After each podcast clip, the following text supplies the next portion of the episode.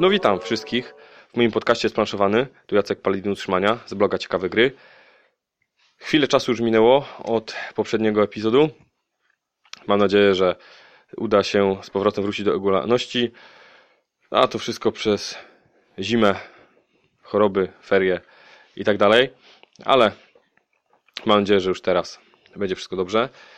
Yy, cóż tam przygotowałem? No, niestety od yy, poprzedniego odcinka minęło tyle dużo, że wszystkie newsy, które zdążyłem sobie w międzyczasie przygotować, praktycznie się przeterminowały.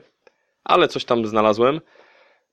Po pierwsze, Hasbro wydaje rocznicową edycję Monopoly. I oczywiście yy, zaskoczyło mnie przynajmniej bardzo pozytywnie, bo pomysł jest rewelacyjny. W 80 sztukach y, z tego całego wydania znajdą się pieniądze, prawdziwe pieniądze, euro. Y, to będzie gdzieś tam w granicach, zdaje się, 50-100 y, banknoty o takich nominałach, ale w jednej sztuce zostaną wszystkie pieniądze zastąpione prawdziwymi, czyli to gdzieś będzie chyba około 20 tysięcy euro. Pomysł rewelacyjny, marketingowo.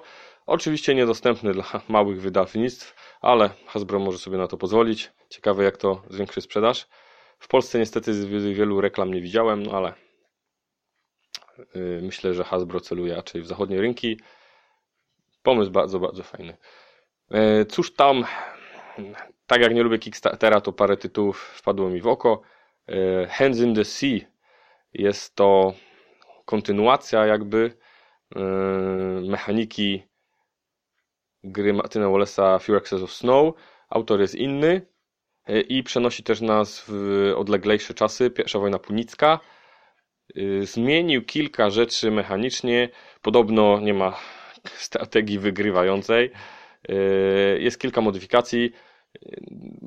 Few Access of Snow bardzo mi się spodobało, a po, po sprawdzeniu, że tutaj jest chyba kilka ulepszeń, myślę, że jest to bardzo wyczekiwana przeze mnie pozycja.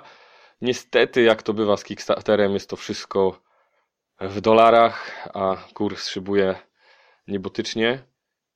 No ale mam nadzieję, że przez to, że to jest wydawnictwo, zdaje się, brytyjskie, będzie gdzieś tu w Polsce to dostępne po zakończonej kampanii na tym portalu crowdfundingowym.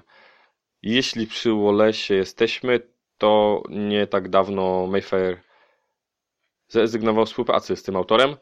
Ponoć Wallace tak samo jest zdziwiony jak wszyscy inni naokoło. Dowiedział się tego z notki prasowej. Także trochę słaba komunikacja, no ale ale widać, że jakieś tarcia pewnie chodzi o pieniądze.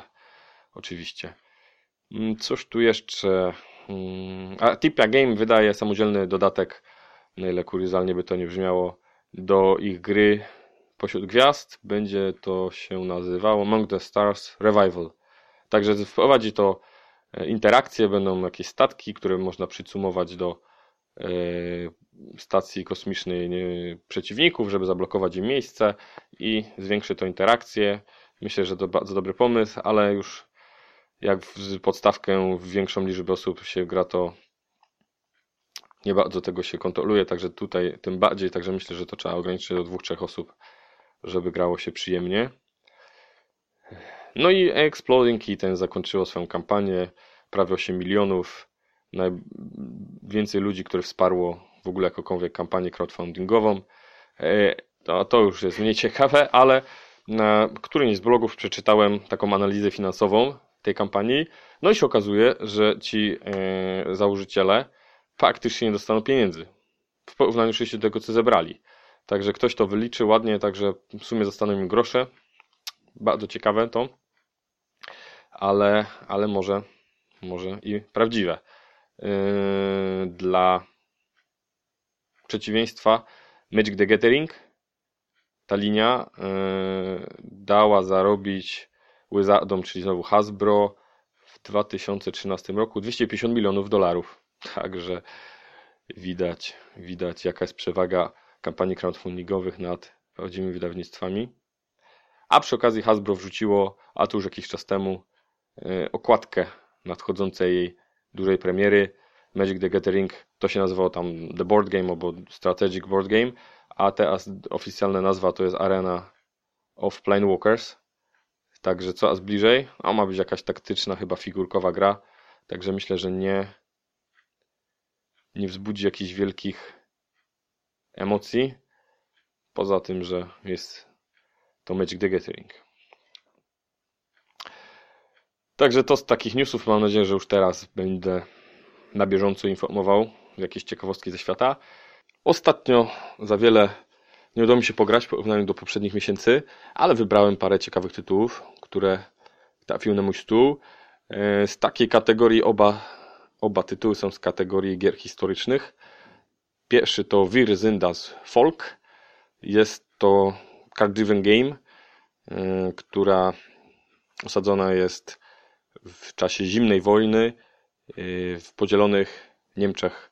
Jeden gracz przyjmuje kontrolę nad Niemcami wschodnimi, drugi nad zachodnimi. Jest to zmaganie takie społeczno-gospodarcze. E, próbuje każdy z, ze stron pokazać się światu z jak najlepszej strony. Swoją potęgę gospodarczą, społeczną, militarnej nie ma.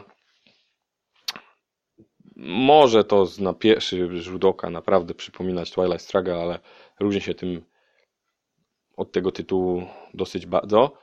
Bardzo mi się to podoba. Sporo napięcia, sporo decyzji. No, losować jak, jak to w Card Game, także tego się trzeba spodziewać, aczkolwiek tytuł bardzo, bardzo ciekawy. Wydawnictwo Histo Games zdaje się, także warto, warto sprawdzić. Polecam. Nawet gdzieś tam się pojawiło w jakichś polskich sklepach, także nie będzie problemu z dostępnością. A za to przeciwnie, kolejna gra Free Kingdom Redux z Singapuru, wydawnictwo Starting Player. Dostępność znikoma, gdzieś ostatnio widziałem za tam prawie 400 zł, także dostępność i, i cena zniechęcająca, ale gra bardzo też ciekawa. Jak wspominałem też z kategorii historycznych, z tym, że jest to tym razem worker placement, taki nietypowy, gdyż trochę mi to przypina Lancastera. Mm, mamy 11, 12, 13, kilkanaście e, miejsc pól akcji, które możemy albo będziemy próbować zająć.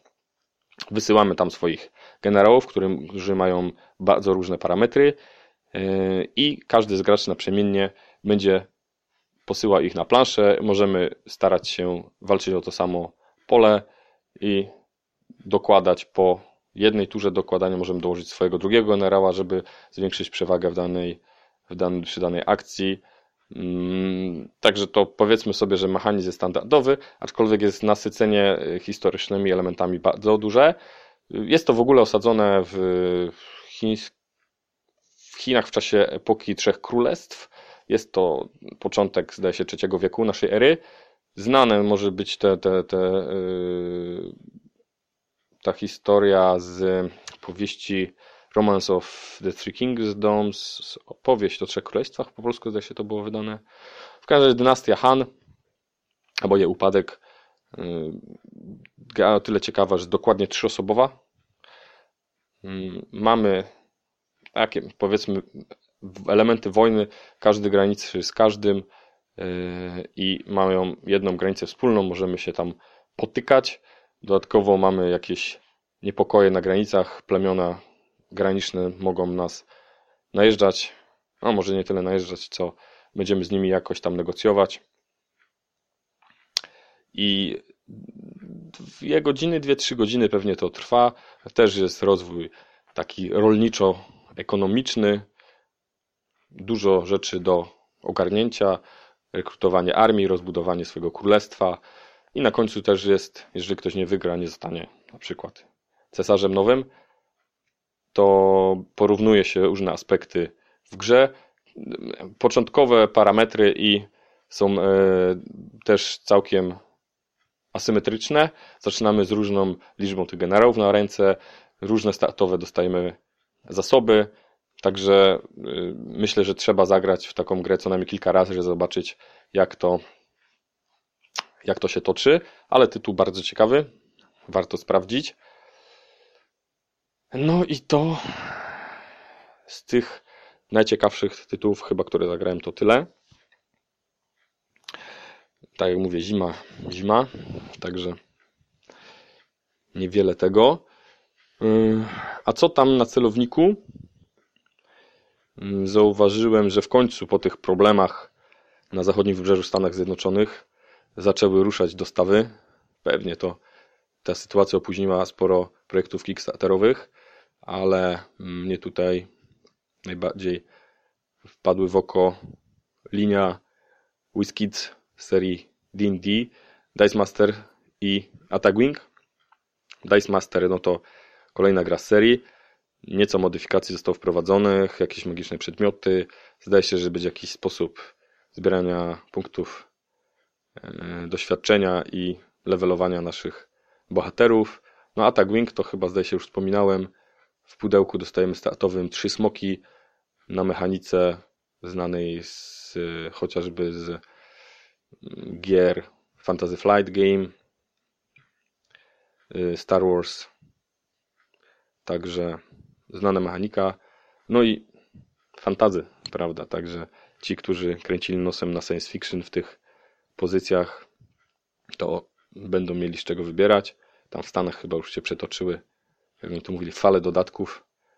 Także jak to w końcu zostanie za morze wysłane, to będzie w Europie tego mnóstwo. Tak, no i to, to, to, co się udało zagrać i to, co, na co mam nadzieję. Mnóstwo jeszcze gier mam do ogrania, jeszcze w folii leżą, nie mówiąc o Handlu, który już wrócił. Zobaczymy, co czas przyniesie tak naprawdę i kiedy to się uda wszystko ograć, ale widzę, widzę pozytywny trend i tendencję, że udaje mi się zagrać coraz więcej. E, co dzisiaj chciałem Wam opowiedzieć, to pamiętacie, ostatnio wspominałem o backbuildingu, takie krótkie porównanie trzech gier i znowu przygotowałem takie porównanie, ale za to o tym porównaniu albo o tych grach, podobieństwa do nich już myślałem dużo, dużo wcześniej. No i z uwagi na to, że ruszył podcast, no to chcę się z Wami tym podzielić. W 2013 roku na Essen zdaje się wszystkie pojawiły. I można powiedzieć, że to jest taka nowa fala deckbuildingu albo handbuildingu. Mianowicie Rococo, Concordia i Lewis and Clark. Nie wiem, czy graliście. Ja grałem we wszystkie. Są to gry, które napędzane są przez karty zagrywane z ręki. I tak wspomniałem, taki hybrydowy, no nie wiem czy hybrydowy, ale deck building kolejnej generacji. Mieliśmy, prawda, Dominiona, Thunderstone'a, typ Puzzle Strike, taki, taki typowy czysty deck building. Teraz wrócił w postaci chociażby Starlims. Mm, potem w międzyczasie mieliśmy wspomniany Firaxes of Snow. E, z takich hybryd to znowu Wallace e, Studio Studium w Szmagdzie, Studio of Emerald. Także to były takie pośrednie, pośrednie mechaniki, no a to zostało z tego zrobione euro. Rokoko grało szyciu sukien, sprzedawaniu, ubieraniu w nich arystokrację i przeprowadzaniu balów. Concordia, starożytność, Imperium Rzymskie, kolonizacja y, śródziemnomorskich terenów, a niedawno nie, na Essen, na poprzednim Essen 2014 wyszedł dodatek dostajemy Brytanię i Germanię. No i Lewis Clark, historyczni odkrywcy, podróżnicy, którzy uszyli w głąb Ameryki Północnej. Także tematyka bardzo różna. I cóż, deck building, czyli zagrywanie kart, żeby uruchomić jakieś akcje, które modyfikują nam dostępne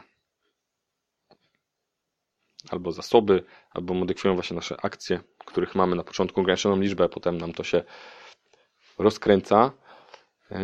W porównaniu takiego typowego deckbuildingu różnica jest taka, że we wszystkich tych grach kupioną kartę bierzemy na rękę.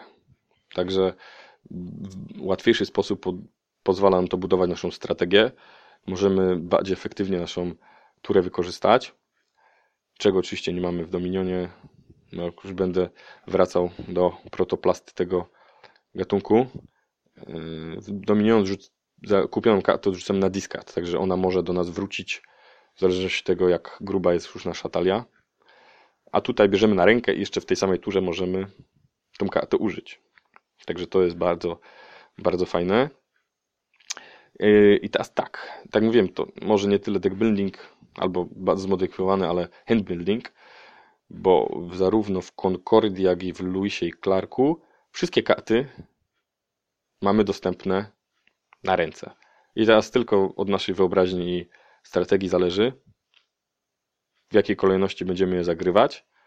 Yy, Natomiast w Rokoko, yy, o ile mamy dostępne wszystkie na początku, to w swojej turze wybieramy tylko, zdaje się, trzy, które użyjemy i tylko nimi będziemy operować. Także mm, w tym ostatnim tytule mamy trochę mniejszą możliwość manewrowania na zmieniające się warunki na planszy, a za to w Concordii yy, bardzo ładnie możemy żonglować tymi akcjami, patrząc co się dzieje na, na planszy. Wszystkie te gry też operują zasobami, czego nie było w takich zwykłych karcianych grach. Mamy zasoby, które przerabiamy albo za które coś kupujemy. No i w, zdaje się, że jedynie w Lewisie, i Clarku może mamy do wyboru akcje, które nie są związane z kartami. Czyli mamy tą wioskę indiańską, gdzie naszym zasobem są Indianie, których wysyłamy do wioski, żeby uruchomili jakąś akcję. W pozostałych, pozostałych dwóch grach tylko dzięki zagranie, zagraniu karty udaje nam się wykonać jakąś akcję. Yy, Cóż tu jeszcze z różnic? Mam sobie, ach tak, reset talii, czyli w dobrowolny, tak jak wracając znowu do tego Dominiona, musimy przebić się przez całą talię, żeby dopiero te karty nas wróciły. Tak na przykład w Concordii możemy sobie tą kartę zresetować, czyli te już zużyte karty nas wracają w sumie w, w dowolnym momencie po zagraniu, po zagraniu przez nas specjalnej karty, jakby, która, która kazuje nam zabrać je do ręki. W Luisie też w sumie możemy to zrobić w dowolnym momencie. No, trzymamy mniejszą lub większą karę, jeżeli za dużo zostawimy sobie na ręce. A w Rokoko tu jest takie podejście, że po prostu musimy zgrać całą talię i dopiero wtedy do nas karty wrócą. No i jeszcze z takich cech charakterystycznych w Concordii i w Lusie i Clarku mamy też e, na każdej karcie do wyboru tylko jedną akcję albo akcję. W Rokoko zdaje się, że możemy odrzucić kartę, czyli są jakby dwie akcje, taka standardowa, którą będziemy, możemy wykonywać z tą kartą w kółko i taka akcja odrzucenia tej karty i zebrania, zebrania zasobów, jeżeli chcemy ją wyrzucić z talii. Yy, Także no, w, w tej chwili widzimy też takie gry karciane, które po prostu yy, karty mogą służyć do wielu, wielu akcji, jak tam Brugia na przykład, Felda, gdzie tam jest chyba na 7 sposobów możemy zabrać, zagrać kartę. W tych grach praktycznie możemy to zrobić na jeden sposób. Yy, Także jest to taka nowa szkoła posługiwania się tymi kartami budowania talii. Trochę jeszcze widać takie taką mechanikę w ostatnio wydanej przez Barda polskiej wersji gry Historia. Tam też też mielimy tymi kartami, żeby odpalać akcje. Z tym, że tam te karty mają te akcje trochę bardziej zazębiające się i wydaje mi się, że nie do końca jest to tak dobrze zaimplementowane jak w tych grach. Ale jeżeli bym miał na przykład wybrać jakiś mini ranking, to wydaje mi się, że Concordia to jest gra, która do mnie najbardziej przemawia. Myślę, że z uwagi na prostotę zasad, bo sama instrukcja to są trzy zdania. Tu zagraj kartę i zrób to, co jest na niej napisane. Bardzo elegancki sposób jest to zrobione. To myślę, że to z tych trzech to moja ulubiona gra.